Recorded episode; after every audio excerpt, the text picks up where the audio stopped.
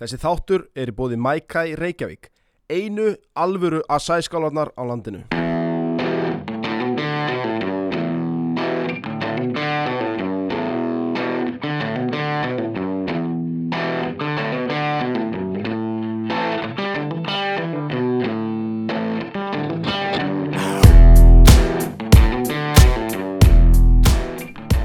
Herri, ég komin hérna með Hjálmar, Hjálmar Örn, blessaður og velkomin. Heill og meistari.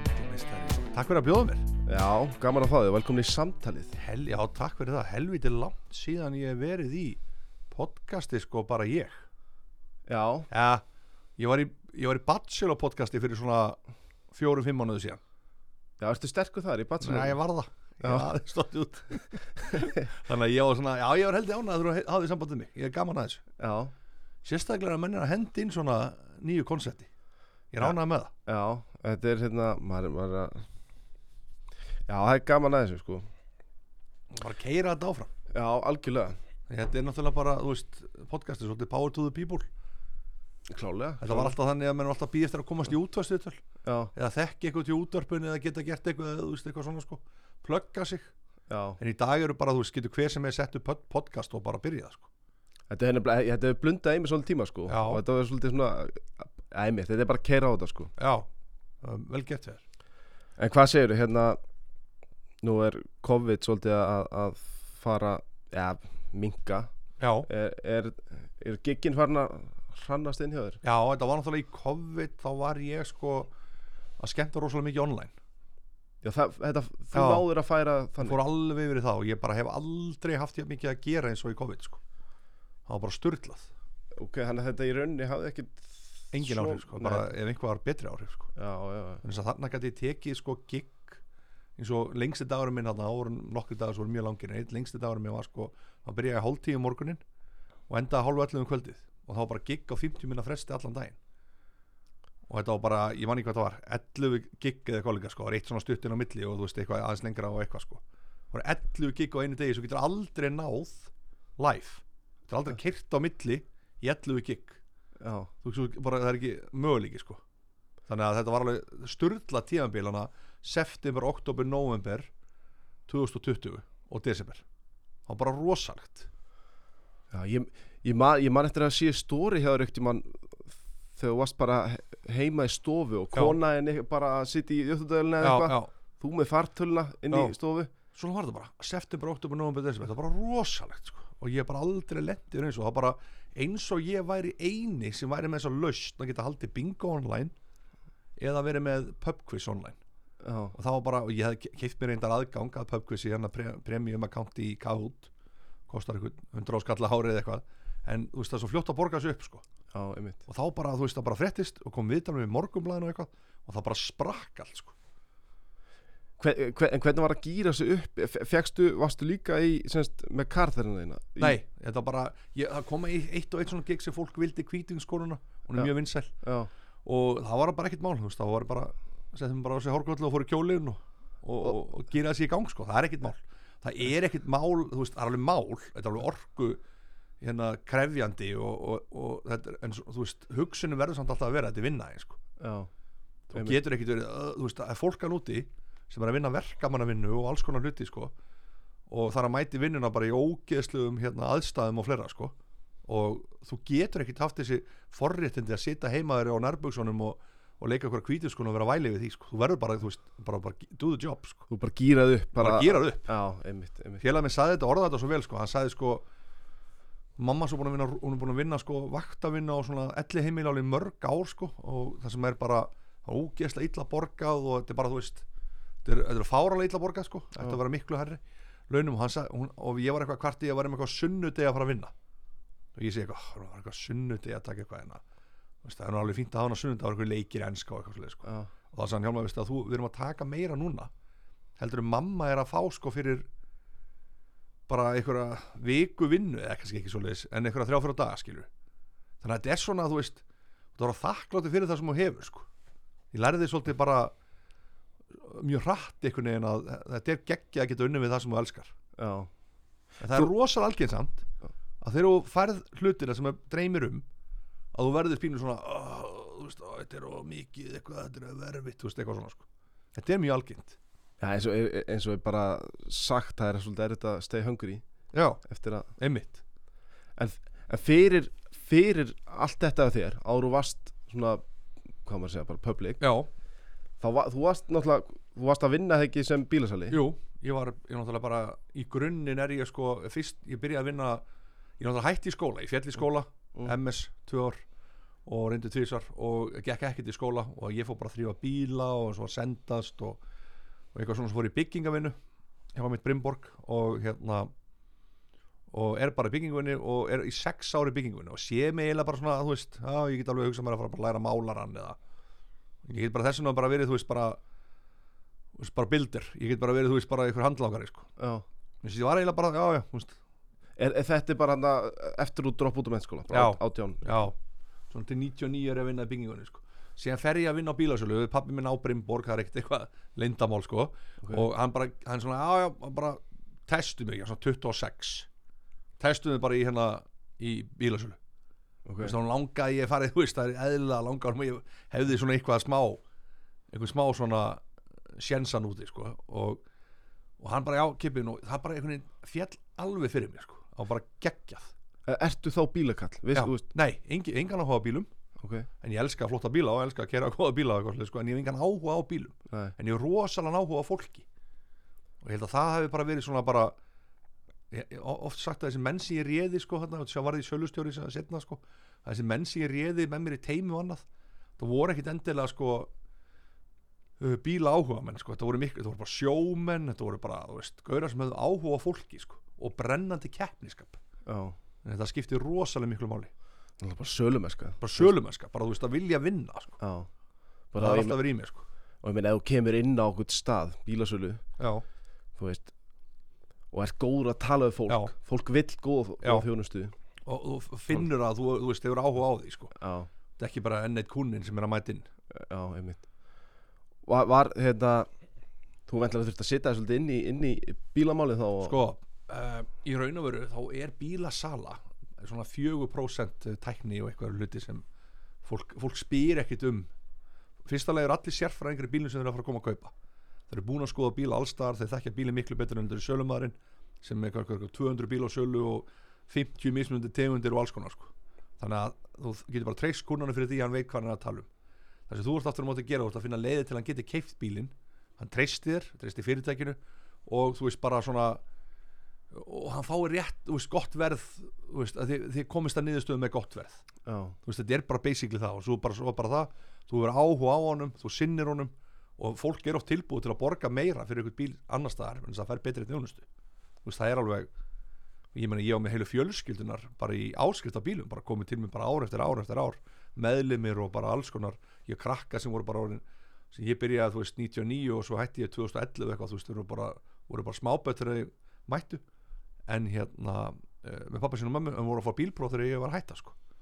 já, já, þannig að þú veist, ég var búin að selja bara heilu kynnslónum bíla sko. já, einmitt Já, ég held að ég get alveg trúa því að fólk að ef að, ef að, að sé lojal á já, er svona bara, veist, þú fær góða þjónustu veist að vera ekkit bullið að kemur eitthvað upp á veist, það er bara svona þe- þekkir hvað er að já, fara út í. þekki hvað að fara út í og þá, þú veist, ég er bara tilbúin til að vera bara þarna. Já, staðan fyrir að fá okkur nýja bílasala eða eitthvað, sko, þú veist, þetta er bara það verður svona, margir sem eru bara með sinn bílasala. Já, já, já, það er þannig. Já, Já, hann bara sér um þetta fyrir mig hann finnur alltaf eitthvað bíl, já, hann já, heyrir þetta alveg, sko. Já, einmitt. En hérna hefur, hefur alltaf verið hvað ég segja hefur alltaf verið grínarinn? Hefur alltaf já, verið ég hef alltaf verið grínari, sko það hefur alltaf verið svona í mér, alltaf var að ég var bara krakki og, og alveg upp í, veist, öllu grunnskólan og ég held ég að bara falli meðal hans í mentaskóla bara út að ég var of mikið að fýbla, sko. Ég hef engan áhuga á svo ná- námi, mér langar bara að hafa gaman, sko. Já, já, og hérna, ég held að það sé svona bara, hefur alltaf verið í mér svona bara léttliki já. Ég, já, einmitt, ég tengi ég verður vikuna, ég, te, ég tengi þess við þetta þú veist, maður, maður var í Borgó já, það var einhvern veginn, þú veist, skemmtilegt fólk í já þá bara það var maður bara einhvern veginn alveg geggjöðu stuði sko, og svo bara, ó, það er að koma tími og reyðilega þetta dæmi, sko. Já, jafnvel bara, sko, jafnvel bara að ég ekki par taka matsalinn. Já, einmitt, já. Og bara vera þar út í það er gaman. Já, þú það veist, voru fullt að liða og það var rosalega algengt samt, sko, það er meiri vakning í dag held ég sko með krakka.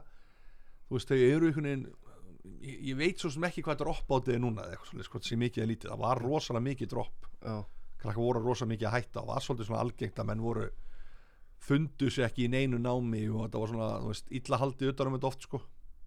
Maður var ekkert pússaður á svona réttu staði. Og ég held að það hefði henda mér miklu betur að fara í svona einhvern þú veist, það hefði henda mér miklu betur að fara í MH örgla já, verið með svona listneiðu fólki sko.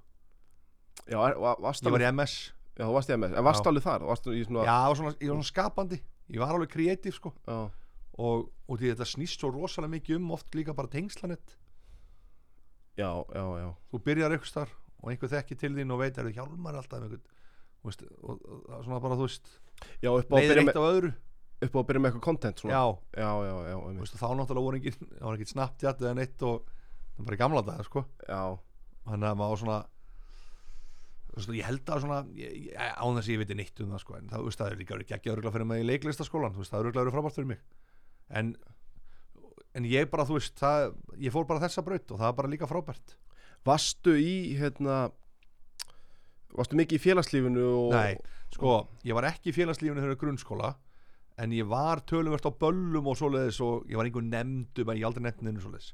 Þú, þú varst ekki þeim Nei, ég verið einhver nefndum og eitthvað ég aldrei tengt við það sko. Nei.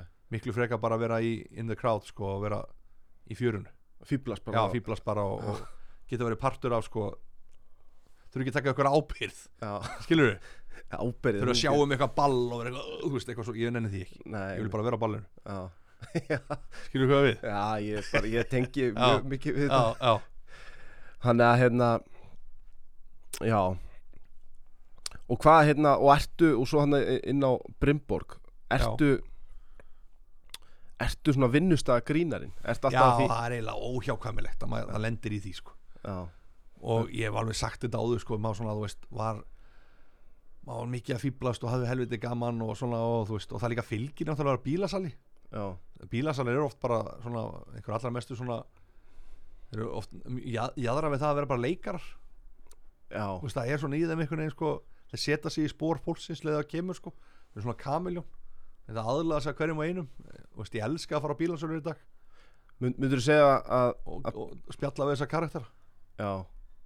Myndur þú segja að að, að þú hafi sett í karakter já, það er alveg svona ákveðin leiti. Þá gerur það. Þá ertu svona aðeins svona þú verður svolítið svona verður svolítið kunnin sko. Þú þarft bara að gera, þú ert aðlagið að kunnan þú ert að vera vinnuna sko. Já, já, einmitt. Og það er líka bara, þú veist eins og ég segi, bílasala margir í dag þeir, þú veist, þú tekur bara eftir þessu og mætir á staðina, þeir eru svona þeir geta verið mismjöndi við hvern og eitt sko.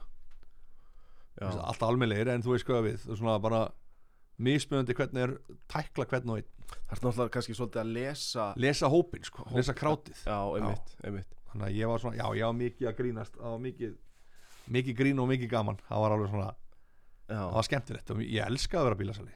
12 ár. Já, og 12 ár, einmitt. Já, Sko, eftir eh, Er það rétt muna hjá mig Minni einhvern veginn ég það eitthvað að Já. þú fer svo á leikskóla eða ekki? Jú. Svo fer ég sko, eh, fyrst þar á undan þá verður félagi minn Helgi Sján sem ég er með podcasta núna með, hæ hæ. Hann fer, skal ég segja þér hérna að vinna á veðpressunni sem er þá pressan menn.is, bleikt.is það var svona, þeir voru að byggja eitthvað rosa veldi svona veðveldi Já, og svona punktur í sig eitthvað dæmi í gangi sko. Og hann segir mig, okkur kemur ekki bara prófar þeir vilja endilega fá þig í auðlýsingasölu ok. Og ég bara, já, búin að vera í 12 ár bílasali þú veist, eitthvað fjölskyldu fyrirtækinu herðu, ég bara prófa þetta, ég bara slæ til. Og ég mæti og þetta var svona sko, þetta, veist, þetta var alveg þetta var alveg geggja dæmi, þetta konsept þá, þú veist, þeir ætlu bara að vera bara með alla markaðin bara í hérna blöðum og, eða netinu. Og þetta var alveg svona þegar ég mætti þá var sko, var auðlýsingasala var þannig að þú fegst eitthvað fyrirtæki. En öll bestu fyrirtækinu náttúrulega voru tekin af þeir sem voru fyrir. Já, þannig að þú fegst eiginlega bara eitthvað gunnarsjoppu í breðalti og, og eitthvað, eitthvað fatabúð og þetta var svona, þetta var rosalega barningu fyrst sko. Og, og ég var alveg, þú veist, búin að selja bíla í 12 ár og þannig var ég mættur inn á svona einhvern veginn, þú veist, að fara að sækja sölur, fólk kom ekki til mín. Og ef það kom til mín, að þá voru tóku þeir það hákallanir sko sem voru eiginlega áttu fyrirtæki sko. Og svo, "Heyrðu, ég, nei, ég skal taka þetta. Þeir vildi ekki láta mig hafa prósund á einhverju þá bara sögðust þeir vera með þennan kuna sko, það ringdi ykkur inn og vildi auðlýsa já eitthvað stór þá sem já. var bara mjög sjaldansamt þú veist, það var bara þessi stóri voru ykkur áskriftum, þá voru aðalega bara að breyta ykkur um áskriftum eða eitthvað, en svo kom kannski símtal inn og maður tók það og bara já, já. Og þá sagði, erðu, ég er með þennan. Og mistur í söluna sko. Þannig að þetta var svona umhverfi var lélegt já, og var útrúlega lítið hvetjandi og þetta var alveg svona þetta var alveg erfitt og, en ég fann mig samt rosalega ógislega skemmtilegur hópu sem var hana Guðan Elmar sem er mjög góð vinnu minn í dag og er yfir, yfir net, netgíru alveg bara geggjaðu gaur og hann var sölustjórun og, og við máli hleyja að þessu sko hann hefur verið lélegasti sölustjóri sem ég haft. En ég held að líka verið þú veist að ég var ekkit eitthvað allra bestur sko. En hann er frábær sölumæður og hann er bara sturlaði sölumæður. Og, og hann svona bara náðum þessu tengslum Helgi Sján náttúrulega vinnu minn sem var hann líka sko þetta var svona frábær tímabil. Var hann í sölu líka? það? Nei, hann var með menn.is, var rítstjóri menn.is Já, já, já. Og það er svona, þú veist það er einhvern veginn svona blöndar í mann og maður svona kemst svona 5% inn í en entertainment bransa og ég man eftir því að það var mann vildi að fara til Eyja. Og mér langaði að geðveitt til Eyja, aldrei fætt til Eyja á, þjóðatíð og ég segi bara ég redda þessu. Ég bara, þú veist, redda bara allir þjóðatíðinu fyrir okkur. Okay. og þá kom svona aftur svona gýrin í mig og ég var bara ekkert bara að selja neitt þannig að auðlýsingu þannig séð. Við vorum meila bara að fýblast allan daginn eitthvað inn í herbyggjum ég og Helgi og, og Siggi vinnur okkar sem var hann líka sem að, kom síðan síðar inn sko og við vorum bara inn í herbyggi í svona eitt og hálft ára að fýblast og, og ég bara reddaði þessu og ég sagt eh, reddaði bjór ég reddaði húsi ég reddaði hérna mat og ég reddaði flugi. Og Er, er það að tala um bara Þú reddaðir fyrir okkur fjóra, við vorum fjórið þá sko. Ég, Siggi, Helgi og svo eitt fyrir okkur viðbót. Býtu frýtt þá. Já, allt frýtt, bara með dalinu og allt, ég bara ringdi og þarna komið sér svona kemur svo niður mér svona þessi sölu kraftur og finnst mér bara geta selt hvað sem er. Þess að langaði mér rosalega mikið að gera eitthvað sko. Það var enginn með þess að kuna það inn á, inn á hérna webpressinni og ég gæti einhvern veginn sótt í þá bara. Bjór sem veginn verið að spá í, ég var, mátti ekki öllis bjór og eitthvað sko og svo var hérna maturinn og ringdi ég bara á pizzastað. Ég ringdi og fekk vinkonu mína sem var með hús og hérna við fengum sérst pening fyrir bjórin sem gekk síðan upp í húsið og þú veist þetta var alveg svona þetta var geggjað dæmi sko. Já, og allt bara all inclusive sko. Og tókum mikið veski alla helgina. Það, er, það er rosalegt. Það var alveg meira, þetta var 2011 sko. Þetta var, alveg, þetta var geggjað dæmi sko. Og, en, og þarna finn ég líka bara þú veist að þegar ég er í gýrnum eins og núna er ég náttúrulega bara að gera ekkert annað en að selja sjálf á mig sko. Það er bara þú veist, ég vinn bara við það. Já, og þá er þú veist aftur þetta kemur að svona þú, að, þú vaknar á mótnana og ert ofta ekkert allt til, alltaf til í alla daga sko. stundum eru bara dagarnir þannig og ert bara eitthvað en þú ert svona já veist, það má líka vera þannig að sumi dagar eru bara ekkert sérstakir. Og ég vinn þannig, ég vinn stundum á kvöldin og þá leifi ég stundum bara heilun degi bara líða og ég er bara heima í sófanum eða eitthvað sko. Og það er bara allt í lagi, þá er ég bara að kvíla mig að það er orka sem fyrir að skemmta á kvöldin og svona sko. já klálega þannig að þetta er svona, það er líka svona partur að finna þetta jafnvæg Já, í öllu. Já. Já, þú, já, einmitt. Þú, Þetta er náttúrulega mest á kvöldin, hefði ekki? Jú, varst- það er nefnilega það sem að sjarmi við sko svona entertainment og svona þú veist að vinna við þetta er að svo er þetta bara nætur og þetta er bara kvöldvinna sko. Já, þetta er bara það, þú ert bara að vinna á kvöldin. Já, en þú ert náttúrulega bara í- með geggju fólki og allir hessir og geðið gaman. Og ég er ógeðslega heppin að vinna með Ef Rúsu sem er alveg bara briljant sko. já, hún er, ég sé af henni bara á samfélagsmiðlum. Hún er mögnuð sko. ríkala fyndin. Alveg ríkalega fyndin stelpa og ógeðslega skemmtileg. Og við kynntumst þarna hjá Loga Bergmann 2000 og ég held að það er 15 eða 16 eða eitthvað í einhverju þætti. Já, kynntistu bara í ykkur þætti? Já, við höfum aldrei, hann bara paraði okkur saman. Og við erum búin að vinna saman núna bara í, held ég, bara, ég held ég vera fimm ára eða eitthvað sko. Býtu, Hvað hva, var þetta þá eitthvað svona spurningaþáttur? Já, spurninga með bomban Já, já, og ræðilíðinni skítöpum já það er, er það ekki aukaðri Jú, og það var alveg sko þetta var svona þetta var svona match made in heaven. Þetta var eiginlega bara, við bara smullum og erum núna bara, við erum ársatíð við bara allir september, oktober november er bara bókaðar hjá okkur Já, þið, þið, það er þið, þið skemmtu alltaf saman. Já, Á- já þú veist, ársatíð mjög mikið. Já og líka, ég, meina, ég er að fara með henni í kvöld bara í einhvern hóp, sko, bara tvö saman sko. þannig að, veist, það er líka það er líka það, sko. Það er geggja Já, algjör blessun að kynst henni, já. Skemmtilegt.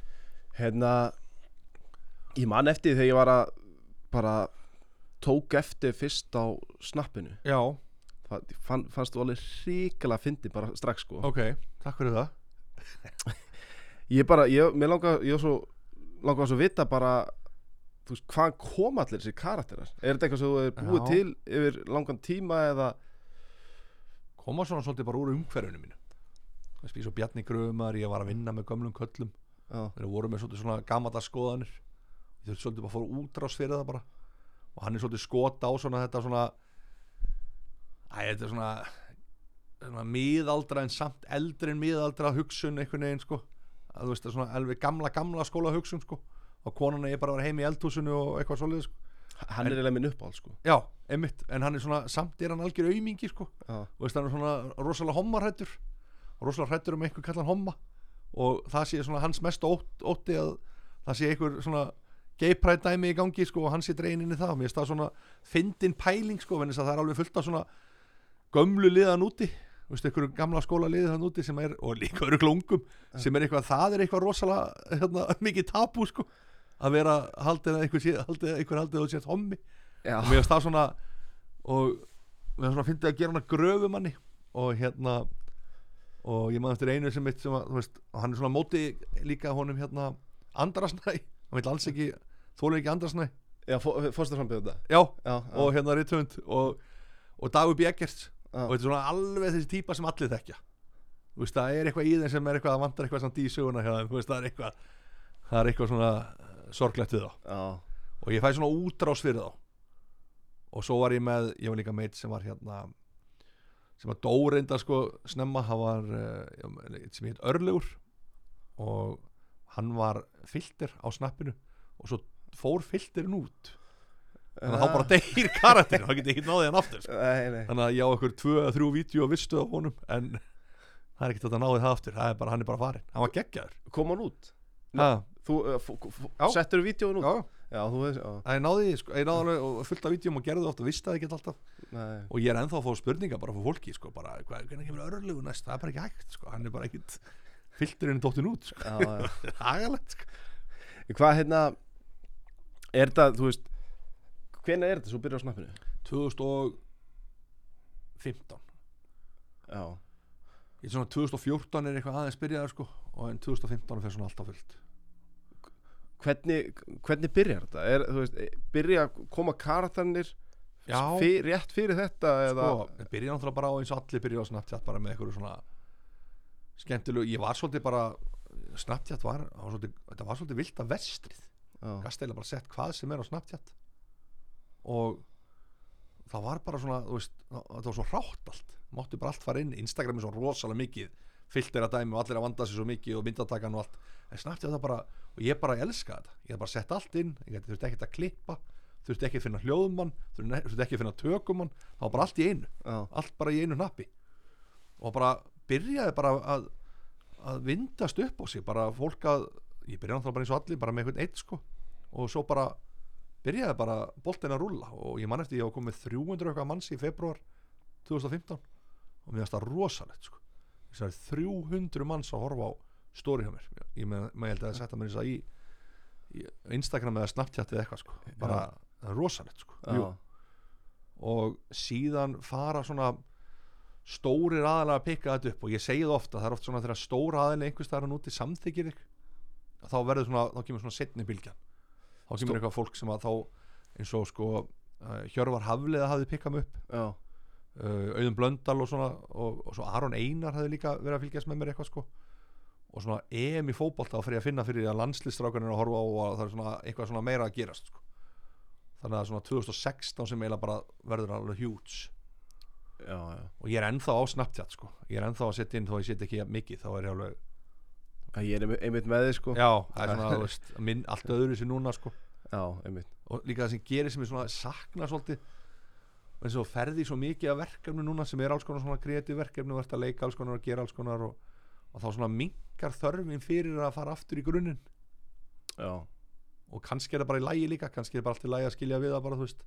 En ég er rosalega gaman að fara í suma karakterina ennþá. Og þetta er nú kvítu sko búin að taka yfir allt hjá mér. Það er bara, þú veist, bara störlun og það bara gerðist, það var engin ekkert plan eða einmitt. Þetta var bara bara eitthvað bilun sko. Hún er langvinnselst ekki? Rosalega vinsal sko. ég skemmti sem hvítið sko bara hverja helgi, veist, það er bara rosalegt sko. Enda frábær karakter. Já, og þá einmitt, þú veist svona, þarf maður að minna sig á sko, hvaðan hún kemur. Já, vegna þess að sko það kom tíðanbíl í fyrra þar sem ég hef ekki sett inn neitt með hvítuskunni í svona hálft ár þú veist, hún er ekkert uppgreðið hún er ekki talað um neitt eða neitt. Það voru bara vídeo á mér að skemmta sem já, sem er alveg geggjað og þeir sem eru í skemmturinn finnst alveg meira aftur og svona og upplifið alveg, þú veist. En þá, ég var eiginlega bara, herðu, vil ég ekki fá að vita samt hvaða út á hvað hann gengur sko. og þannig að ég fór að setja aðeins meira inn og, og svona, og ég var alveg fengi fyrsta beini sem ég fekk með karakter var, var Halli Hipster. Það var eitt karakter sem ég var með. Já, og þá var fór útrástur í svona vestubæjar einhvern veginn svona vestlógengi og svona allir saman góði vinahópur, svona frendst svona fílingurinn sko. Allir saman í vestubænum, einhvern veginn sita á Hagamel og vera að borða úti og allir í blokkinu rosa góði vinnir já, og ég var svona, fekk rosalega svona útrás fyrir það með Halla Heipster og, og ég var bókaður, það var eiginlega fyrsti karakter sem einhver bókaði mig. Það var sem Halli Heipster í, í ammali já, ok. Það var alveg stórmerkilegt sko. Býtu, og hvað hvað gerir hann þegar hann er bókað Hipster. Sko, þetta var ég var ekkert með neitt prógram og ég sagði bara, ég er ekki með neitt prógram fyrir hann og ég veit ekkert hvað ég að gera með hann og hvernig hann kemur inn og eitthvað. Hann sagði bara, hann verður bara komin ég á kærast hann, hún er útskrifast og hún elskar hann og bara, og ég mætti bara í einhverju svona fárulegum fötum eins og hann var sko og byrjaði bara aðeins þannig sko í 5 minútur eða 10 minútur eða eitthvað. Svo fór ég bara yfir í pubquiz um hanna sem Já. var mjög vinsalt á sín tíma. Og já, er geggja, það tekið pubquiz um ammælisbætti já, einmitt, einmitt. En aðeins um kvítinskunna já, hvaðan hérna hvaðan færðu innblástur í hana? Hvað er ykkur Já, það var svona, það var stelpa sem var á snappinu hjá mér. Og var rosalega dæmi, sko, hún var rosalega hvítjum, sko. Og hún var alltaf að senda, hún setti alltaf í story og sendi mér, er þetta ekki með svona fólk líka? Sendir, það er bara sama í story og sendi þér. Já, og svo var ellið vinnu minn gerir þetta mikið á, á Instagram. Hann sendi mér sama og hann að setja í story. Mikill kongur. Mikill kongur, algjör mistari og hérna, og ég var bara eitthvað hvað er þetta eiginlega, bara hún bara hún var bara alltaf í, það var svo gaman já, og svo aðeinslegt og voru í hjólaferðin Króati og það var svo allir að skála og voru að hitta einhverja ítala sem var svo geggjaður og, og við stoppum í hverju þorpi og var alltaf hvít og eitthvað svona. Og ég bara, þú veist, ég fæ oft svo, ég var að fá útrástur hlutin, ég get ekki bara byggt á inni eins og með Bjarnagröfumann, eins og með Halla Hipster. Þannig ég fer og næði gamla hárkollu sem amma gamla átti og e, varalitt, setja með teppi og fer út og tek bara eiginlega sama hún var að segja. Breyti aðeins, gera svona svolítið skemmtilega þú veist bara svona meira kommersial og er bara hann eitthvað, "Ó, gaman eitthvað að skála þetta, ég man ekki hvað þetta er langt vídeo. Þú veist það er, er ekkert svo langt. Svo bara sé ég bara eitthvað aðeins like og eitthvað svona, ég sé bara ljósu konunum minna ég sé bara, heyrðu það er bara eitthvað að taka í þetta. Þetta er á Facebook, setta á Facebook. Já, það var ekkert að, þú veist það fór bara beint á Facebook. Þetta fyrir snappið. Þetta, já, þetta, þetta var á snappinu. Þú veist þetta var, þetta, ég tók þetta upp á Snapchat svo vista ég og setta yfir á Facebook. Já, já, ég sá að það komin ágætis viðbröð þarna á snappinu. Og segi ég setja á Facebook. Svo fer ég bara inn í rúm og fer að sofa og vakna daginn eftir og það er bara einhver bílun þá bara komið sko ég held yfir þúsund like eða þá 700 like komin eða eitthvað og 50 eitthvað sér. Þetta var bara svona algjör bara craziness eins og Facebook var þá sko. Og þetta er núna í einhverjum 1000 eða 1100 likeum og í hvað mörgum kommentum og þetta er bara eitthvað rosa 100.000 views á þetta vídeo. Já, ok. Á Facebook sem er bara erfitt að ná í dag sko já, ég meina Facebook, það er náttúrulega bara nánast dögt sko. Já Facebook Fyrir- er svona það er lúmst já, það er svolítið miðaldra mi- margir miðaldra eru á Facebook. Já, ég held að sé, þú veist, ef þú verður að auðlýsa þá myndi ég, þú veist, að ná í hóp sem er svona 45 pluss þá myndi ég vera á Facebook. Ég held að ég sé bara á Facebook upp á grúppur og messenger Já. sko. þetta er svo með mér. Ég set bara valla status inn, sko, að ég bara setja nú um daginn og er með síningu hjá Helgi, svona live síningu og þú veist, það er bara svoleið sem maður gerir, sko. Já, einmitt þetta er ógeðslega fyndin miðl en hann er bara orðin eitthvað dagatal í dag. Já, þetta breytist svo. Já, það er hérna, sem náttúrulega gerðist líka í snappi, það bara dó. Já, er ekki það varði ekki, það er einhvern veginn ekki, varði ekki cool, sko. Nei, er ekki líka ofta er ekki stundum, er ekki sem sem tala um það að þegar að gamlingin kemur inn að, að þá jú, jú, það er svolítið þannig. Það er gamlingi kemur inn, þá deyja hlutir, sko. Og hann er aðeins byrjað að detta inn á Instagrami núna. Já, og maður finnur það, spynni hvort að hann ég elska TikTok líka. Já, það er svolítið svona unga fólki núna í dag. ég bara, ég minnst það mest kreatív fólk í heiminn á þessu miðli sko. er, Ertu sjálfur að sitja þar inn? já, ekkit, ekkit mikið dölugur en það, ég horfi rosa mikið. Það er bara, sko, fólk er að setja inn sko bara kannski átta mismöndi vinkla á saman brandarann sko. og mér finnst það stórkostlegt. Það eru bara gaurar hann sem bara ógeðsla finni grínistar þannig að ég er, ég er mjög mikið að horfa það sko. Maður getur alveg mist sig sem sagt, maður getur alveg bara mist sig að Já, skóla alveg bara, þryggja tíma, þrý tímar eru bara farnir sko Já. það er bara rosalegt sko Já. og líka út af að þetta er náttúrulega sko eh, hvað segir maður algoritmi, Já. hann hérna það sem að þú skoðar kemur Já. náttúrulega upp hjá þér sko Já. að einmitt, þú ert alltaf í svona kontenti sem þú vilt sjá sko já, kemur alltaf nýtt eitthvað sem þú Já. vilt nei, heyrðu, býttu nú við en já. svo er náttúrulega er það agalegir með þetta einmitt svona kontaktlega að sé það þú veist, þú veist eh, TikTok er vist mjög stórt í Indlandi og Kína og eitthvað en ég sé ekkit frá Indlandi og Kína nei, og það er bara eitthvað, veist, ég veit ekki hvað veldur en, veist og þeir eru svona eins og, ég er eiginlega bara með eitthvað Amerikana, já, breyta og búi, ég er ekki svona með normin að svíja ég veit ekki hvað, hvað er það þá eitthvað sem þeir eru að tengja, ég sé, veist að skoða ég, ég bara, ég, ég veit ekki hvernig þeir oft velja þetta, sko. Nei, það er, það er góð spurning. Þetta sé ekki einhvern veginn bara nei, ég held að séu ekki. rosa mikið að beisa þetta bara á svæðinu sem ert á, sko Já. Já örglega sko. Að það er að þetta er eitthvað mjög lúmskur hérna, algoritmi hjá, Inst- hjá TikTok, þetta er eitthvað mjög svona útpælt hjá þeim. Já, hvernig þið gera þetta og hvað er vilja líka að þú sjáir.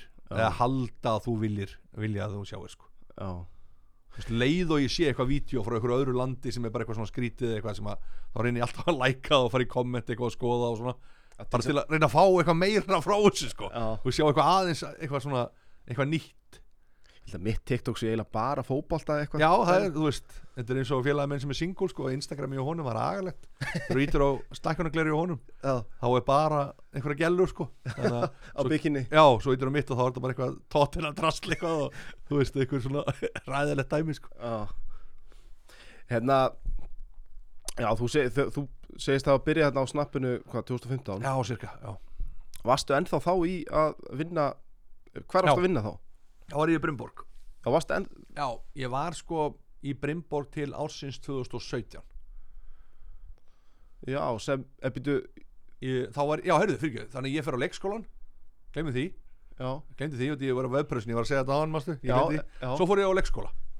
Fór að vinna á leikskóla, þetta gekk ekkert upp á vefprössinu, var aldrei útborgað eitthvað, illa borgað og alls konar vesen og verktakarlaun og ég kom ykkur skuld hjá skattunum og ég borgaði ekki ykkur einhver gjöld sem maður þarf að borga sem verktaki og þetta var allt í rugli Já. og þannig að ég fór hérna að vinna á leikskóla og ég man eftir því fyrstu svona 2-3 dagan og er bara hvað er ég að gera þetta sko? bara ruggli, bara hvað ruggli er þetta og, svo bara gjörsanlega dyrka þetta sko. þetta er bara eitthvað allra besta sem ég hef gert var að finna leikskóla, þetta var meiri áttar. Bara alltaf í núinu, veist bara tógar inn í nú, í núu á krökkunum, þetta var bara stórkostlegt. Þannig að ég var alveg ég, bara allt geggjað nema launin.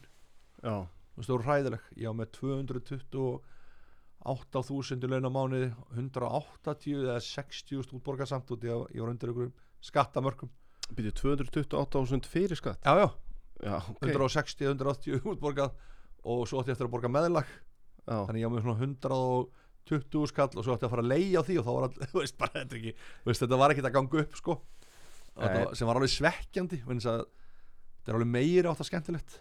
Og ég hef alveg þú sagt áður ég mun snú aftur að vinna á leikskóla. Já, það er svona já, það hefur aldrei fyrir peningana samt. Eins og held ég að enginn af þessu blessaða fólki sem vinna á leikskóla þetta er allt hugsun á fólk.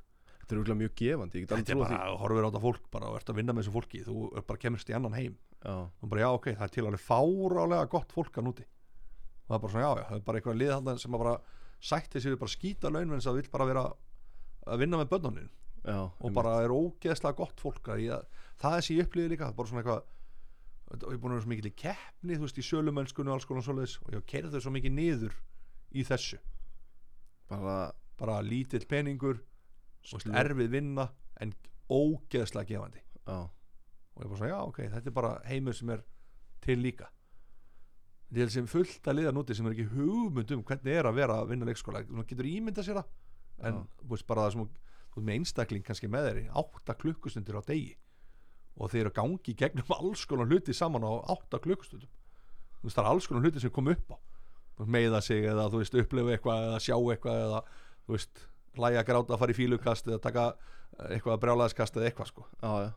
Þannig að þetta er svona, þú, þú alveg bara allir þessi, svona, þessi skjólstæðingar minni þessi ég kalla alltaf uh, sem ég var með þarna, ég þykir rosalega vænt um þau öll sko, ég hef alveg oft spáðið hvað þau eru, hvað eru þau að gera og einhver hafa adda mér á Instagram sem er mjög vandrarlegt sko, það er bara svona eitthvað hvernig munað eftir mér og leikskóla? Það er hérna tveir sem eru vissi að þessum þetta, ei þú ert gamli leikskólakennari minn veist. en ég oft pælti, hvað verður um þau sko, þú veist bara svona einhver ástæði fyrir þetta fólk kemur inn í líf mitt, veist, og ég kemur inn í þeirra líf og, og svona, veist. Það er einhver svona, svona starri pæling í þessu. Já, ég minn þetta er náttúrulega fárálega mikilvægt starf. rosalega mikilvægt starf. Þú veist, þetta er það sem krakkarnir eru að alast upp þarna eins og sér, átta tíma á dag. Rosalegt sko. Og ætti bara að vera svona, eftir svo, sótt svona hálauna starf veist, kannski ekki hálauna þá ertu komið með einhverja villising inn í þetta.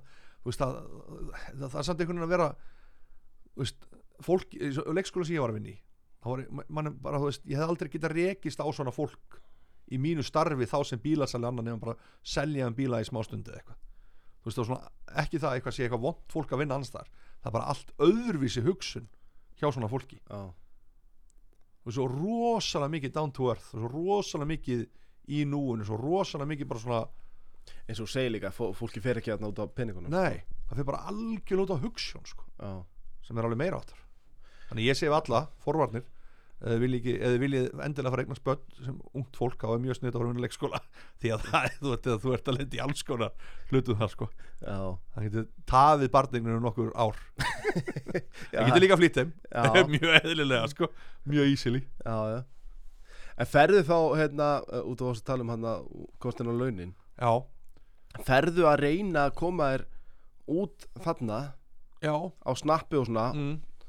Var það hugsun að reyna eitthvað svona auka tekjurnar? Nei, aldrei. Það var aldrei svo leys, það var ekkert. Og þetta var bara algjört svona og þetta, ég byrjaði með rosalega löng leikrit á Snapchat eða svona sketsa. Og það sem ég skipt um gerfin svona 40 eitthvað sinnum. Og með einhverja átta karakter sem komum við í einhverju svona leikþætti. Það var einhver saga, það var jólaleikrit eitthvað djöfli og ég er með lið ennþá sem er búin að fylgjast með mig síðan 2014-15 sem bara eitthvað, "Erðu, hérna, þetta var snild eitthvað sem mann þetta betur en ég sko og það er rosalegt sko. Og það var og ég man eftir ég, ég var ekkert sko bara í þrjár klukkusum til að taka upp einhverjar fjóra mínútur á Snapchat. Og bara skipt um gerfi og fara og, og ég vildi gera allt í einhvern veginn rætt og ég gæti. Þannig að þú varst að horfa þá kom þetta bara inn eða bara rosalega fljótt. Þannig að ég var skiptur rosalega rætt um gerfi fór aftur í næsta og ég var á staðan fyrir að veist, taka upp eitthvað nokkur skot. Þar sem að eitt karakterinn sást þá, þá skipti ég um gerfi sikk hvort og í öll skiptin sko. þannig að ég var alltaf að skipta Já, ok til að og taka önnur sjónur treyja mig, taka annar sjónur, treyja mig taka annað, skiptum, skiptum veist, þetta var bara rosalegt sko.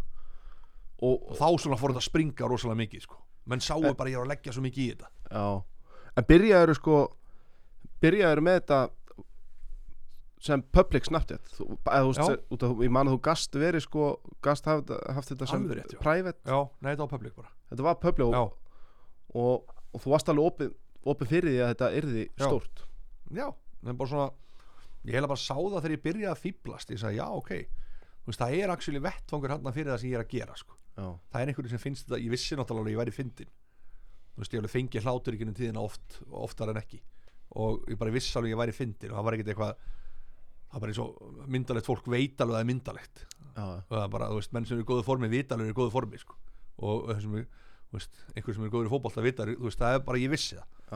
þú þú og ég vissi bara, þú veist, ég, var svo mikið ströggl hérna, þú veist, við vorum á menn.is það er alltaf að finna tökumann finna einhver hljóðmann, einhver sem getur klift þetta, þannig gæti ég bara gert allt. Já, þetta var svolítið svona bara, eins og ég segi með sín snjallfórið, þetta er bara power to the people, sko. Já, ég veit Þetta hefur, örugglega verið hérna helviti helviti svona hvað maður að segja, skemmtilegt þegar þú fegst fyrsta giggið eða ekki eftir, jú, það er meira áttar. Va, býtu, það var Halli Hipster Já, Fyrsta? það var svona fyrsta svona giggið sko, ég man svo sem ég var búin að vera með pubquiz í nokkur ár upp á gullöld. Og var svona búin að vera til hliðar að taka pubquiz en það var miklu meira sko bara eitthvað 20 skall á barnum og frídrykkur þetta kvöldið, þetta var bara svona meira svona að koma fram en það var ekkert að fá fyrir það. Þekktur þá e- eitthvað Já, e þekkt- eigendur? þetta er alltaf þannig upp á gullöldinni sko. Já, var mikið þar og, og þá svona var ég var svona alveg komin með svona smá grunni að gera pubquiz já, síðan, þú veist, að bókast þess að þeir að vinna hana 2016-17 eða fyrir maður að segja við það bara að þá er svo orðið svo mikið að gera hjá mér í fólk er byrjað að herru, getur þú komið pubquiz eða hvað getur þú með, getur þú komið eitthvað? Þannig ég er svona 2016-17 er byrjað að huga að því bara að fara að vinna alveg sjálfstætt. Og það er eiginlega það sem gerist. Og það er bara 2017 eignast í strákið minn og þá hugsa ég bara, herru, eftir fæðingar bara fer ég bara full force og þá er það sem gerist er að þú ert búin að losa þig við dagvinnuna. Og ert komin bara, herru, nú ertu bara hérna á nærbjöksun með það mánudagur og þú veist, hvað ætlar að gera? Hve- hvernig, var, hvernig var það? Var, á þessum tíma var þetta mikil áhætta eða, eða voru tekjurnar orðna það góðar að Nei, það var voru, voru ekkit, það voru allt í læ voru, voru ekkit, ekki slæmar en það voru bara allt í læ við vorum eiginlega búin að sjá þetta sko að við prófum þetta svona bara, þú veist, bara beint eftir fæðingarólof þá bara fer ég bara full force í þetta. Ég var búin að undirbúa mig rosa mikið í fæðingarólofinu þú veist að byggja grunninn og gera, þú veist, vera með kvissin og laga síðuna mína breytti mér sem prófælmynd og ég fór að taka alls konar svona hluti í gegn hjá mig bara. Þannig að ég ætlaði bara að prófa þetta bara one time. Og, og það sem að gerist líka er að þú ert ekki með sko belti og axlabönd sem er dagvinnaðin Já, og þá er þetta bara svo, veist, hvað ætlar að gera? Nú bara, og svo er ég með mjög mikið að kreatív fólki í kringum mig. Og ég bara, þú veist, þú ert alltaf meðantalið á þeim fimm menneskip sem þú hangið mest með. Já, þannig að ef þú ert að hanga með einhverjum vittlýsingum eða eitthvað, þá ertu bara vittlýsingur, segi ég. Og ég á með Helga sem er ógeðslega kreatífkur og ég á með Efi Rússon náttúrulega sem kom hann inn í mitt líf þarna í kringum 2015-16 eða eitthvað sko. Það var 16 eða eitthvað leið. og þú veist, ég var að finna að var að koma svona svona alls konar fólk, þú veist.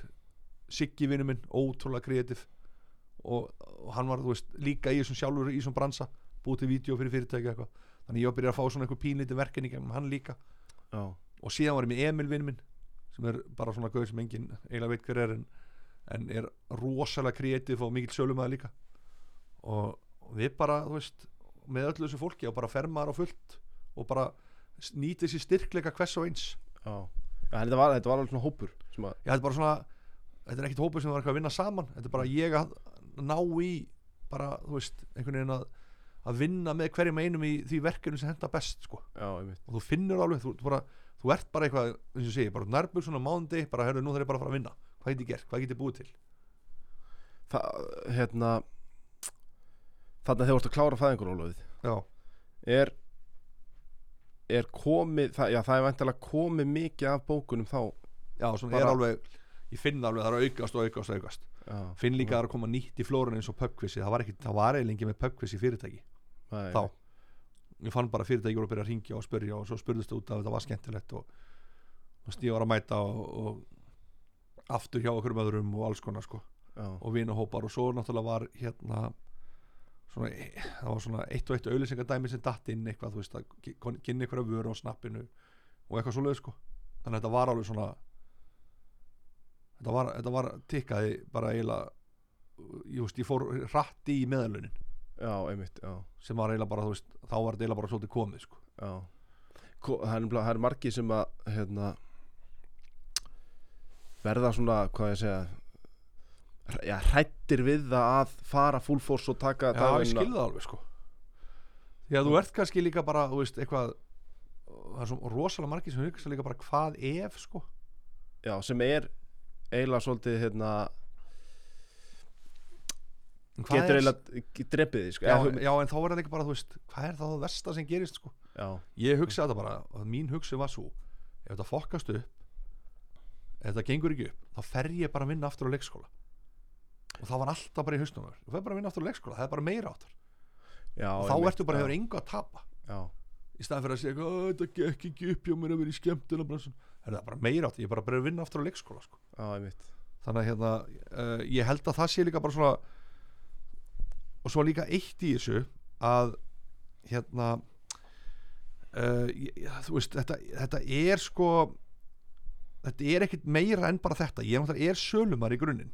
Og þar að leiðandi, þá er ég sko auðveldar fyrir mig að selja mig heldur en margir aðri listamenn kannski.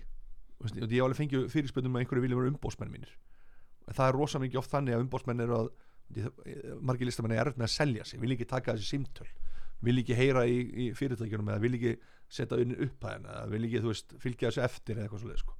eða finnst ekki hafa tíma fyrir það. Alltaf þú þarft að gera það sem listamæður já, að, það er bara, en, þú veist, margir vilja bara fá umbásmann, ég skilða alveg. Já, en ég hef ekki þurft þess. Þannig að ég var eiginlega aldrei hrættur um að ég geti ekki selt hugmyndir um mig sko. nei, það var svona, kom ykkur tíman upp þegar, þegar þetta var að byrja þarna eftir fæðingarólofið já, hvað er ég að gera? Akkur er ég að, þú veist, nei, aldrei.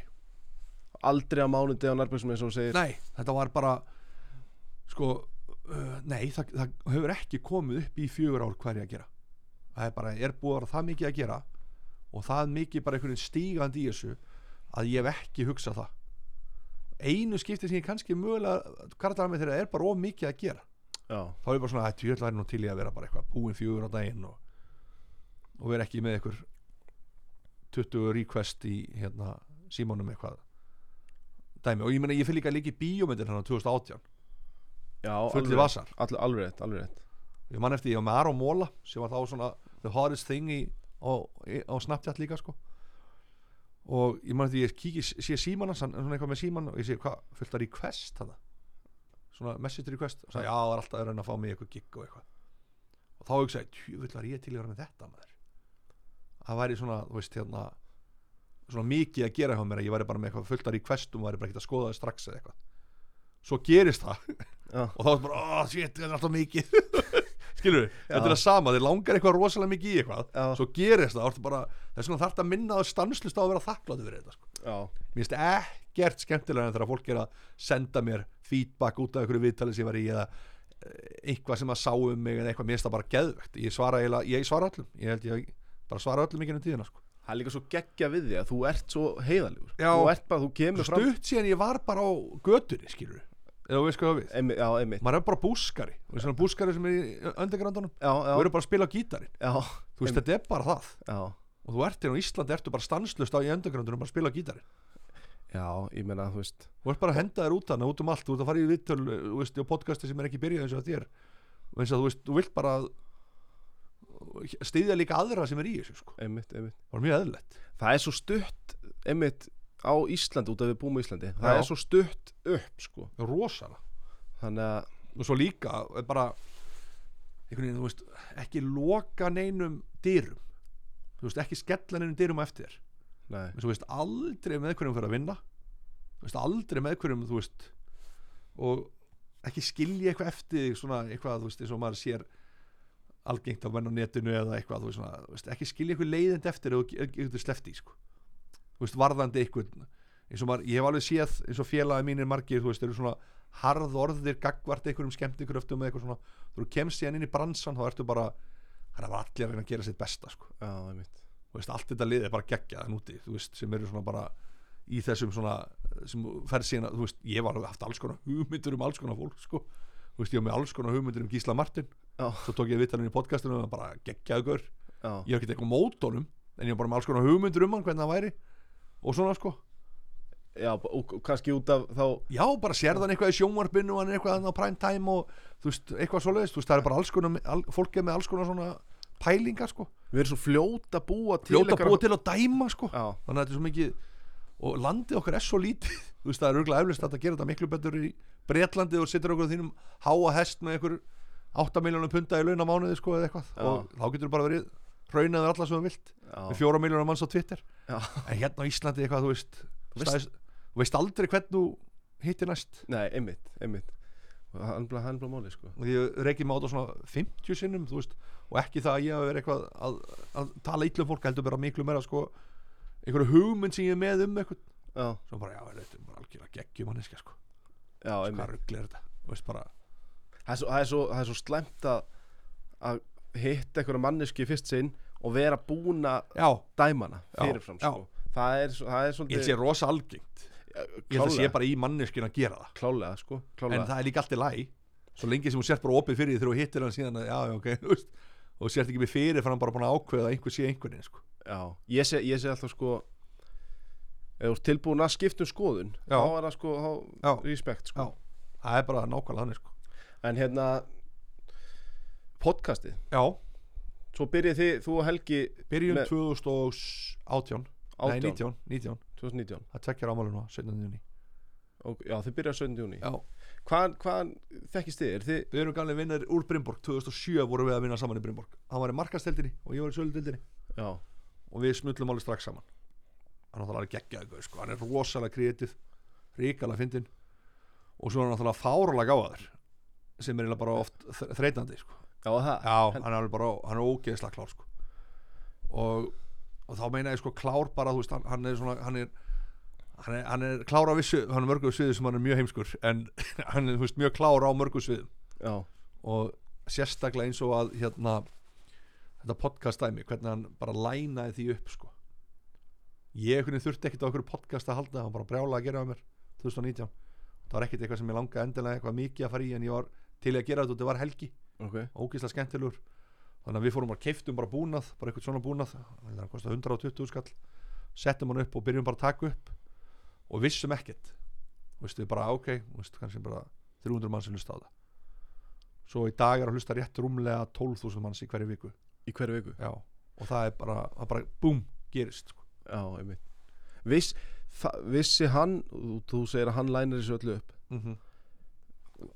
Þú veist Hann eitthvað hvað hann það fór út í eins og kunni nei. að taka upp og, já sko, við fengum strax gaur sem heitir Arnar, Arnar Freyr Tóratsen mikill meistari, hljóðmaður og tökummaður hæ hæ og hann er algjör, bara gullamanni sko. og hann er einhvern veginn sko, hann sáum að tengja þetta og gera þetta allt og við hefum alltaf, þú veist, Helgi er örgulega geta krafsað í gegnum þetta sko, Já, já, en hann var bara hann tók þetta bara upp já.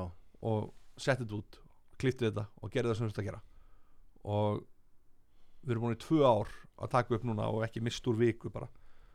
Og það er búið að vera bara algjör veisla. Það er búið að vera geggja skemmtilegt allan tíman en hann, eins og þegar ég segi Helgi setti þetta upp, þá meina ég sko að hann bara keirði þetta í ganga kaupa búnaðinn. Fórum að stað þegar podcasti var svona podcasti búið að vera heil lengi en það var svona setni bylgi einhvern veginn að rétt hún kemur á Íslandi. Já, náum henni og erum með gott kemistri og með fyndi dæmi og það bara bara sprakk út var hugmyndi full mótuð Nei, það var engin, engin hugmynd. Þið bara byrjið? Byrjum bara.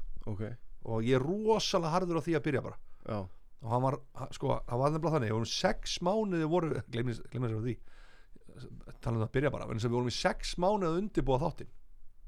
Og því varst að tala um að var, var engin hugmynd það var brjálu hugmynd, ég er bara búin að gleyma því. Ok. Þau eru bara saðir þetta. Og sex mánuði, ég var að vera geðvegur á helga sko, því hann var svo hann langaði svo mikið að byrja með einhverju sprengju og þetta átti alltaf að vera svo rosalegt og eitthvað og við gerum einhverju rosalega skets og þetta var alveg bara svona, átti alltaf að vera bara einhvern veginn og við erum að koma okkur inn á markaðan og fólk var að taka eftir okkur og hvað getur við verið, þú veist, eitthvað svona.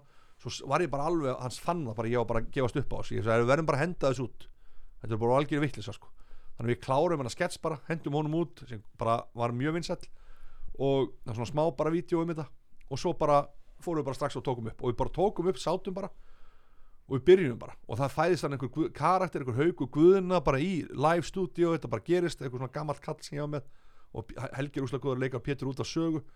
Og þetta finnst mér geggja það er bara flæði, það er enginn að spá í neinu það er ekkert eitthvað fyrirfram planað og bara mætir og bara leifur þessu algjörlega að vera bara í frjálsu sko. bara, þú veist, bara allt sem er bara gert hann er bara í einhverjum galsa, einhverjum geðveikum galsa sko. Það hlýtur líka að vera fáralega gaman að vera með svona góða vinni sinni bara að það er málið, náið saman. Já, og það er í oft sem menn fara fram að mæk sko, þá frjósaðir verða allt öðruvísi. Og við vorum alveg fyrst og mjög skrýtni fyrst í þetta eðlilega bara, vorum að læra á þetta og svona sko. En þetta var samt alveg kemistri að var hann undir. Og bara, veist, og þessuna var ég eins og með snapptættið, ég var alltaf að segja það við hann Helgi, í snappinu fór ég bara stað. Þannig að ég er búin að gefast upp að býja eftir tökumanni, hljóðmanni og öllu draslinu, ég fór bara að tóku upp ég byrjaði bara, þau eru bara að gera þetta núna í, í þessu podcast, þau eru bara að byrja þetta. Annars nenni ég ekki að standa í þessu. Og þá fann hann alveg, þú veist, þetta var og svo kom hann með þessa geggjuðu hugmynd að selja inn á liði, vera með liði inn í podcastinu og við seljum, við erum með kostendur á liði. Já, og það hjálpar og því þú gefst fljótt upp á að vera með eitthvað sem þú ert að gera í þínu frítíð með vinnutíma eða eitthvað og fær ekki borga fyrir það. Og það er alveg ákveðin hugsun sem þú getur verið í sko, það er alveg skemmtilegt. En svo bara fjara eins og sér bara öll podcastin sem er búin að koma og hætta. Já, veist, það er bara eðlilegt. Það er bara, menn eru ekki að geta selt auðlýsingar inn á það, geta ekki fengið borga fyrir vinnuna sína og þá er þetta bara, herðu þú veist, hvað á ég velja, að vera í podcasti í tvo tíma í kvöldi eða að vera að sinna börnunum mín og þú veist, fellir svolítið sem sjálf þetta er bara sjálfsig sko. Já, og því að þetta voru paid gig þá er þetta orðið allt annað fyrir alla sko. já, já, einmitt Þegar hún nefnir hann að karakterin á Helga með uh, út af sögu. Guð, hvað hann er fyndin hann er, hann er fárálega góð sko. hann nær Pétri út af þessu alveg spotton sko. já hann er geggjaður sko. það er líka bara og það er einmitt ykkur skets það sem að var einmitt þarna Haukur Guðna sko. var hann heiti Pétur það er hommi og reyða fyrir já, og það var bara eitthvað skets sem bara um mitt sprakk svona og hann var bara til í live og engin, ekkert handrit þetta var bara algjörlega tekið upp þarna það var engin pæling í byrjun það var ekkert eitthvað, eigum að hafa þetta þú veist, hugsaði að kannski eigum að hafa þetta eitthvað gamla kallin að tala við eitthvað og vera kvart yfir ykkur mestaleg en svo bara, búm, fættist það bara. Já. Í, í dag já, farið inn bara með eitthvað handrit eða farið, þið bara farið fyrir fram mækin já, og, og byrjum bara. og start. Já. já, Helgi er oft svona aðeins búin að pæla kannski ykkur með að móti top 5 lista eitthvað svo sko. já, það kemur alveg, mér finnst ógeðslega gott að fara bara inn alveg bara hreitt bara, já, bara já, oft er ég búin að hugsa eitthvað það er alveg svo leys Já, já, hugsa já. alveg fullt af hlutum eitthvað, já. sem það er að, já einn bara þessu helga það er að minna hann á þetta og svo. Já, en aldrei handrið eða neitt svona sko. nei. Þið, eru að taka þetta upp heima og helga Já. ekki? já, hvað kostar geggjað hús. Já, hann er byggði 100 það miljón krónu hús maður. Það er svo Að fyrsta íbúðinans, hann byggði þetta sjálfur Nei. hann keipti þetta og reyf allt út og lagaði já, ok, já, já, einmitt. Þetta var alveg ef ekki nánast bara árið fókalt í árum Jú, og bara fylgjast með honum líka bara eitthvað að kaupa þetta hús þarna, stórkvæslega pæling sko. Í Arjón bankar reyna að fá lán fyrir ykkurum 60 okkar miljónum til að kaupa sína fyrstu íbúð og vissi ekkert hvað hann fór úti þegar hann fór í þessar framkvæmdir og held að myndi flytti inn sko þreymum mánuðum áður og, og flutti inn ykkur nýju mánuðum setna sko, þannig að þetta var alveg stórkvæslega að fylgjast með þessu. En hann er greinlega hérna, hann er greinlega svolítið svona dúar Já, rosalega dúar, hann er alveg alveg rosalega dúar hann, hann getur alveg ofhugsa hluti já, og eins og við erum með livesýningu og vorum með livesýningu og hann var alveg búin að ofhugsa þetta alveg hægri vinstri sko. og ég var alltaf að segja að það er bara, veist, við bara mætum. Og hann bara, við getum ekki mætt bara með ekkert. Ég segi bara, við mætum bara. Og ég skal lofa þetta verður bara geggja sko. og hann var alveg, þú veist, og hann fekk að hafa smá svona eitthvað sem var tilbúið sko. en svo bara að mæta bara fyrir fram að 300 manns og vera ekki með neitt. Já, það er geðveik tilfinning. Það er alveg bara og þú bara treystur á það að það sem þú sérst að segja sér fyndið og eitthvað svona og bara tala frá hjartan og þú opna miklu meira þú er tilbúin til að opna þig miklu meira og segja miklu meira til þess að ná til fólksins og fleira sko, svo lengi sem þú mátt ekki panika náttúrulega. En veist, þetta fannst mér svona bara þetta var fyrst, við erum búin með tvær livesýningar og þetta var, þetta var geggja dæmi fannst mér sko, að mæta bara og vera bara einhvern veginn bara tala bara spontant sko. Býtu, er, þetta- er, er eitthvað nýtt hjá okkur? Já, Er live, show sem er bara þá mætir við í gamla bíó, já, tvísasunum búin að selja uh, uppselt þar, 300 eða 400 manns. Og er þetta svona eitthvað svona þá uppistand Já, bara stöndum við á sviðinu og erum bara spjalla og erum bara að tala um hluti og Helgi var reynda með glæru síningu þá sko, þá var hann búin að gera svona glæru síningu það var mjög skemmtilegt. Já, ég þarf að tjekka á þessu. Já, þetta er alveg, þetta er rosalega gefandi skemmtilegt líka að hitta hæjara, mér stæla svona fólki sem lustur á hæ hæ já, að koma að hitta það og veist, að fá feedback og allt þetta sko. Og þetta er svona allt leifileg síning þú veist, við fengið fólk upp á svið bara að vera að dansa og bara, veist, þetta er bara svona geggjað sko. Er, er þið í, í þessu uh, núna að, Við verðum í síningu núna í júni júni, já. 30. júni, en við erum bara meina tvær ári sko, já, já, já, bara ok. svona tökum við að gleina jólasýningu. Já, einmitt, já, já, þetta er núna í júni Já, er, er þetta er mjög skemmtilegt sko orðið uppselt? Nei, ég held nú öruglega ekki, við fórum bara í gæri með þetta sko. Já, ok, það er ekkit, það er verður aldrei, við erum ekki lendi því að vera uppselt bara okkur nokkur mínútur sko. Nei, nei. Ekki eins og hérna, þarf alltaf að vera grínkrakkarnir lendi í fyrsta skipti sem við vorum með þetta sko.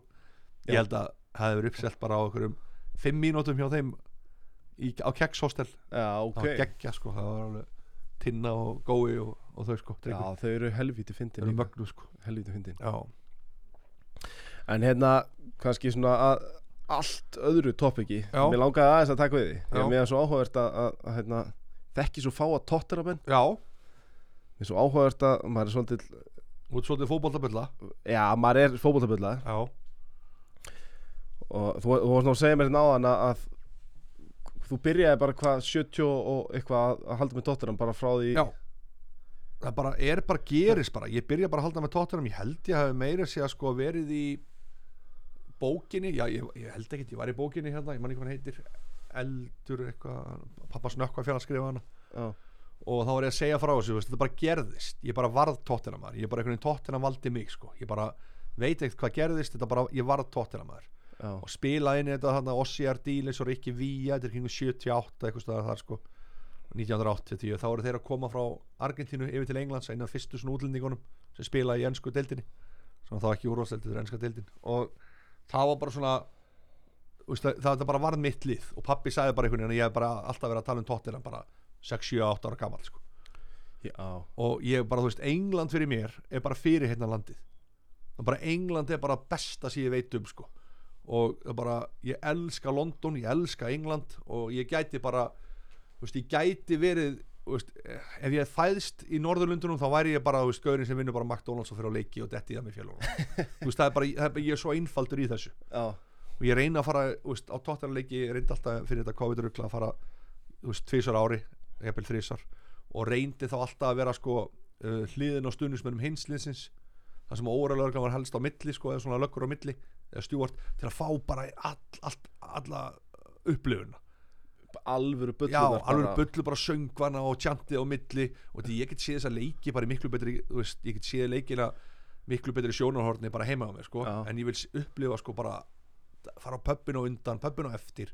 Það er alltaf bara upplifun bara upplifunin, það, það er upplifunin sko. ég man, ég man sko með, ég, ég er United maður sko. Ég man, ég man alltaf að það var eiginlega sko það var eiginlega Beckham já, sem að inn sko. Einmitt. Er það er svona hvað ár gerir þú? 95, 94 94, já, Já. já. einmitt, ég skil það mjög vel Beckham og svo, svo eiginlega sko kemur Ronaldo og að já, þetta er 94, hvað eru mörg ásið síðan? það er 20, ég er 26 7 Já, þú veist, hvað ár er þetta sem að er þetta er þetta ekki 2000 eða eitthvað sem þú ert að byrja að halda með leys? Jó, svona kring, svona rétt rúmlega Já. 2000, 2001, 2 já, það er 21 ár síðan Já, já, þú veist, það er bara það eru sko 40 eitthvað ár síðan. Þannig að þú þurfur þú að segja fólki frá þessu Beckham og eitthvað, þá er alveg fullt af fólki sem er á Beckham, þú veist, það mér alveg muna að vita sirka hver hann er og eitthvað sko. En þú er ekki hugmynd ykkur Ossi Ardíles eða Rikki Vía er sko. nei. Skilur hvað við, þetta Já. er svona ég skil þig, ekki að vera þetta svo rosa stórt nafn hann en, heldur sér ennþá í umræðinni sko. Já, ég meina bara, þú veist, eh, bara á mínum mati. Kantóna og þetta voru rosa rétt lið sko Já, hann reyndir aðeins fyrir svona mína kantóna Já, ég var á leik mitt fylgir, byggarleikur fylgir, úslitaleikur eitthvað í byggarkemni og þá var Tottenham að spila með United og Tottenham var í 3-0 yfir í hálfleik.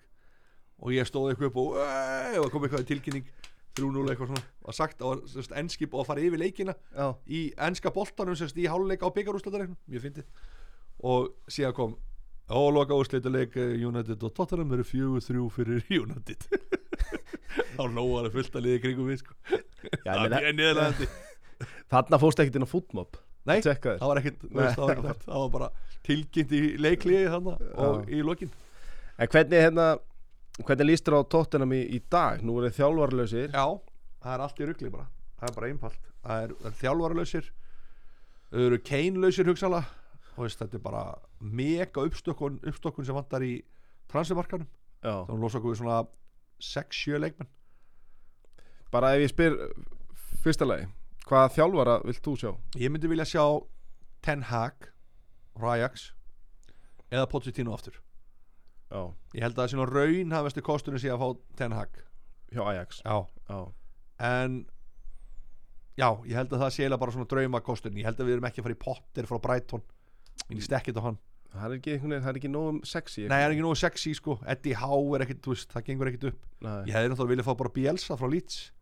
Já, það hefði verið sturla dæmi sko. Ég, dý, sko, Bielsa með smá pening og, og ég, sko ég, ég hef hort núna mjög mikið á lít það er pappi lít já, hann er pappiðin alveg garanti á gamla skólanum sko í þessu fótboltadæmi sko. Já, alveg, alveg Leeds er nú risalið sko. Já, já, já, ég mani, ég, ég fara á Erland Rót sko, já með pappa það er okkur sturla sko. Það er bilað sko. já. Það er alvöru stemming. Já, En hérna En ég er ekki viss um að pappi leif ykkur að fá Bielsa sko. Nei, nei, hann er ekkert að fara. Ég er alltaf að fylgjast með því sko, hver eru svona líklegastu hver, líklegastu líkuna hver eru að koma sko, hverjum degi vaknaði mótan og kíkja á hver eru líklegastu til að vera að koma og það var komin í 1.57 með konti sko. Já, hafa komið Já, og en Já. það er komin aftur upp í núna nýju eða eitthvað sko þannig að hann er ekkert að fara að koma sko. Þetta er uh, þetta er ekki, þetta er ekki góð staða sem Tottenham er í. En, Nei. og ég hef stundum sagt að það er góð við Tottenham og það er stundum bara pása á sumrin frá rugglinu það búið alltaf svo mikið rugglaðum sko. Já, en núna er einhvern veginn búin að eðlika sumari fyrir manni líka. Já það er svo stórt, það er er svolítið stórt sumar framöndan já, stórt sumar og ekki komið þjálfara bara algjör ringleika háttur í þessu sko. Ég meina, ég, ég sé samt ekkit það er ekkit það er ekkit komið hérna núna sko Nei, þú ert í sama pakk og ég er hérna með Jadon Sancho alltaf sko stuðla já, einmitt, einmitt. að þetta Já. niður eitthvað. já, En hérna, já, og, og kannski annað. Kane, ef hann fer. Já. Kane, Hvað, sko þá verður, verður, verður að fá 150 miljonar fyrir hann. Þú færði ekkit fyrir hvað færði, tvo, þrjá leikmenn kannski? 350 miljonar mann kannski. Já, sem eru þá ok, geggjaða leikmenn kannski hugsalega fengið grílis Nei, mér, þú veist, ef þú ætlar að selja Kane er það náttúrulega að replace hann með einhverjum alveg og hvernig ætlar að fá, sko, hvernig ætlar að kaupa þú veist? Frammeir en náttúrulega Oli Watkins og veist, þetta er eitthvað rosalega skrítin, skrítin dýl sko. Það myndi taka þá tvo eða þú veist, hvaða strækar eru það núti sem hægt er að kaupa?